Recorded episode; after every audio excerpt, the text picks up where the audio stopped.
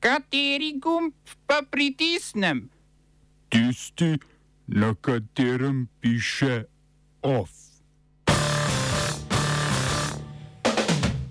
Po prvem krogu parlamentarnih volitev v Franciji Makronova stranka ni prejela absolutne večine. Velika Britanija vložila zakon za spremembo severnoirskega protokola. V sosednji Italiji zavrnjen referendum o pravosodni reformi. Občina Kamnik pri nakupu mask podjetja Gumix kršila omejitve poslovanja. V kreativni inšpekciji izzivi in dileme Odra 360. Pozdravljeni. Po podatkih usporednih volitev včerajšnjega prvega kroga francoskih parlamentarnih volitev sta izenačeni zavezništvo francoskega predsednika Emmanuela Macrona in levo zavezništvo NUP, ki ga vodi Jean-Luc Mélenchon. Vsako je prejelo približno 25 odstotkov glasov. Na tretjem mestu se je znašla stranka Marine Le Pen, nacionalni zbor z 19 odstotki, sledijo desno-sredinski republikanci, ki so dosegli 14 odstotno podporo. Macron si je aprila zagotovil drugi petletni mandat, zdaj pa poteka glasovanje v podporo njegovemu zavezništvu skupaj. Temu se v drugem krogu glasovanja obeta zmaga, vprašanje pa je, ali bo prejelo tudi absolutno večino, ki jo je uživalo v zadnjih petih letih. Volitve v Franciji potekajo po tako imenovanem dvokrožnem sistemu. V prvem krogu mora kandidat v svojem kraju prejeti 50 odstotno podporo, ki predstavlja vsaj 25 odstotkov upisanih voljivcev. V primeru, da nihče ne dobi absolutne večine, se kandidata z največ glasovi pomerita v drugem krogu. Po pravilih ta poteka teden dni po prvem. Končni izid volitev za 577 člansko nacionalno skupščino bo tako znan prihodno nedeljo.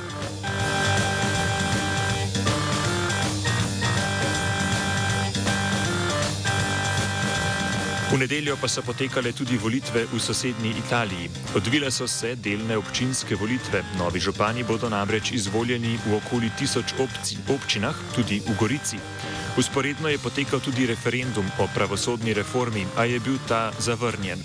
Referendum je sestavljalo pet referendumskih predlogov, pri čemer so se trije nanašali na reformo pravosodja, dva pa na področje kazenskega pravosodja in boj proti korupciji. Referendum predvideva odpravo nekaterih že sprejetih zakonov v parlamentu, med katerimi je tudi tako imenovani zakon Severino, ki osebam obsojenim hujših zločinov šest let onemogoča kandidaturo na volitvah.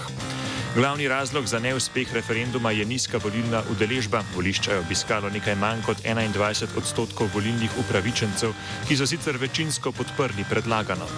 Neuspeh referenduma pa pomeni tudi poraz desničarskih strank, lige in radikalne stranke, ki sta predlagali reforme.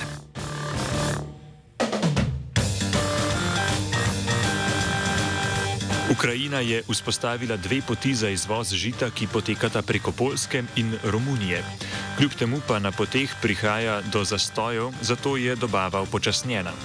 Namestnik ukrajinskega zunanjega ministra Dmitro Senik je zato izpostavil, da država poskuša vzpostaviti še tretji koridor, ki bi potekal preko baltskih držav. Ukrajina je ena največjih izvoznic žita na svetu, a je zaradi ruske invazije prišlo do blokad pristanišč ob Črnem morju. Ukrajina se tako poslužuje izvoza žita preko rek, cest in železnic. Od ukrajinskega uvoza žitaric so najbolj odvisne države v Afriki in na Bližnjem vzhodu.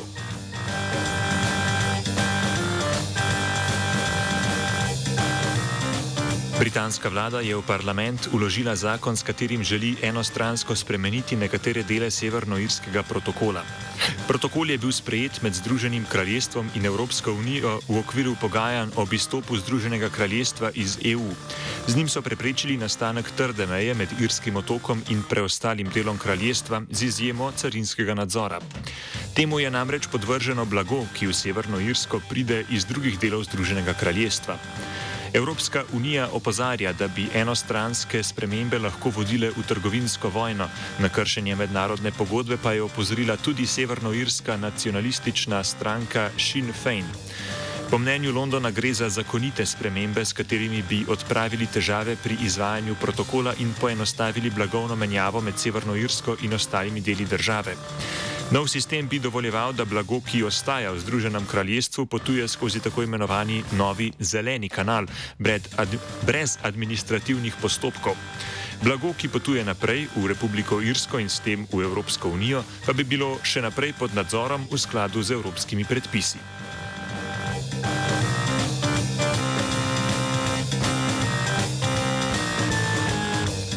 Voditelji Bosne in Hercegovine so na srečanju v Bruslu dosegli dogovor o reformah, ki jih mora sprejeti država za pridobitev statusa kandidatke za članstvo v Evropski uniji.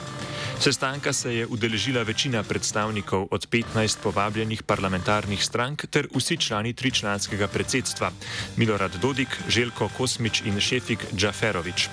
Sporazum predvideva zlasti 14 prednostnih nalog, ki jih je državi naložila Evropska komisija. Reforme je podprlo 12 od 15 voditeljev političnih strank v parlamentu BIH, z izjemo predsednika HDZ Dragana Čoviča, vodje srpske stranke DNS Nenada Nešiča in vodjo srpske stranke PDP Branislava Borenoviča. Čovič je sestanek bojkotiral zaradi hrvaškega člana predsedstva BIH Željka Kosmiča, ki ga v največji stranki Hrvatov v BIH ne priznavajo kot legitimnega hrvaškega člana predsedstva.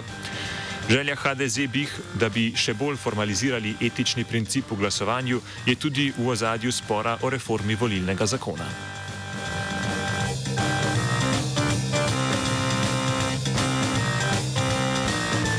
Iran in Venezuela sta podpisala 20-letni sporazum o sodelovanju. Strateški dokument predvideva sodelovanje na področju politike, gospodarstva, financ, turizma, petrokemične industrije in nafte. Obe državi sta namreč med večjimi proizvajalci nafte, ki se že dlje časa soočajo z ameriškimi sankcijami, ki so še bolj kot proizvodno surove nafte prizadele rafiniranje naftnih produktov. Venezuelski predsednik Nicolas Maduro je povdaril, da je sodelovanje med državama ključnega pomena za energetski in finančni sektor. Pomembno vlogo za turizem pa bodo igrali direktni leti med Karakasom in Teheranom, ki bodo začeli obratovati od 18. julija dalje. Več o dogovoru med državama v offsajdu ob 17. Smo se osamosvojili, nismo se pa osvobodili naslednje štiri leta še 500 projektov. Izpiljene modele, kako so se strani nekdanje LDS rotirali. Ko to dvoje zmešamo v pravilno zmes, dobimo zgodbo o uspehu. Takemu političnemu razvoju se reče udar. Jaz to vem, da je nezakonito, ampak kaj nam pa ostane? Brutalni obračun s politično korupcijo. To je Slovenija, tukaj je naša zemlja, to je Slovenija, Slovenija, Slovenija.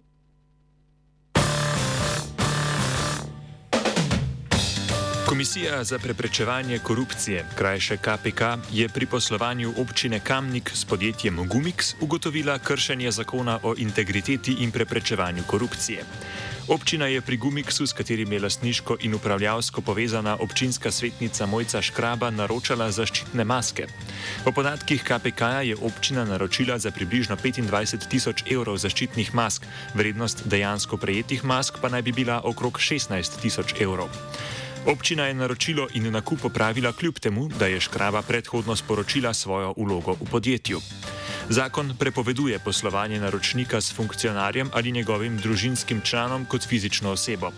Po navedbah komisije je dejstvo, da se je občinska svetnica izločila iz postopka izbire ponudnika in da so bile pri tem upoštevane določbe o dolžnem izogibanju nasprotju interesov, nerelevantne, saj velja absolutna prepoved poslovanja med občino Kamnik in podjetjem Gumix. Varuh človekovih pravic, pardon, Petr Svetina, je predsednici državnega zbora Učki Klakočar Zupančič predlagal poročilo varuha, predal poročilo varuha za preteklo leto. V njem je varuh podal 86 novih priporočil. Kljub temu, da je število priporočil manjše kot dosedaj, pa je še vedno potreben napredek, je poudaril. Po njegovih besedah so državni organi, organi lokalne skupnosti in nosilci javnih pooblastil lani največkrat kršili načelo dobrega upravljanja, enakosti pred zakonom, pravic do invalidov in enakega varstva pravic.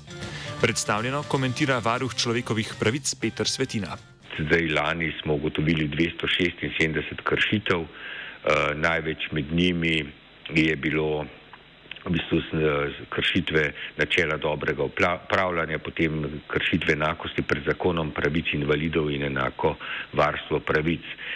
Pri kršitvah izstopajo področja Ministrstva za delo, družino, socialne zadeve in enake možnosti, potem Ministrstvo za okolje in prostor, ki žal ni v lani uresničilo nobenega priporočila varuha, predvsej kršitev pa je bilo tudi na področju dela Ministrstva za notranje zadeve in Ministrstva za zdravje. Danes se začenja dopisni kongres stranke Alenke Bratušek, na katerem bodo člani odločali o združitvi stranko Gibanje Svoboda. Odločitev se pričakuje do konca tedna, predsednica stranke Alenka Bratušek pa pričakuje, da bo združitev podprta. Stranka LMŠ je odločitev o združitvi sprejela že pretekli teden. Po združitvi naj bi tako Alenka Bratušek kot Marjan Šarec postala podpredsednica stranke Gibanje Svoboda, obema pa so bila v razrezu ministrstva dodeljena tudi ministerska mesta. Šarec je vodenje obramnega ministrstva že prevzel, Bratuškova pa bo ministrstvo za infrastrukturo prevzela po razširitvi vlade zakonom o vladi.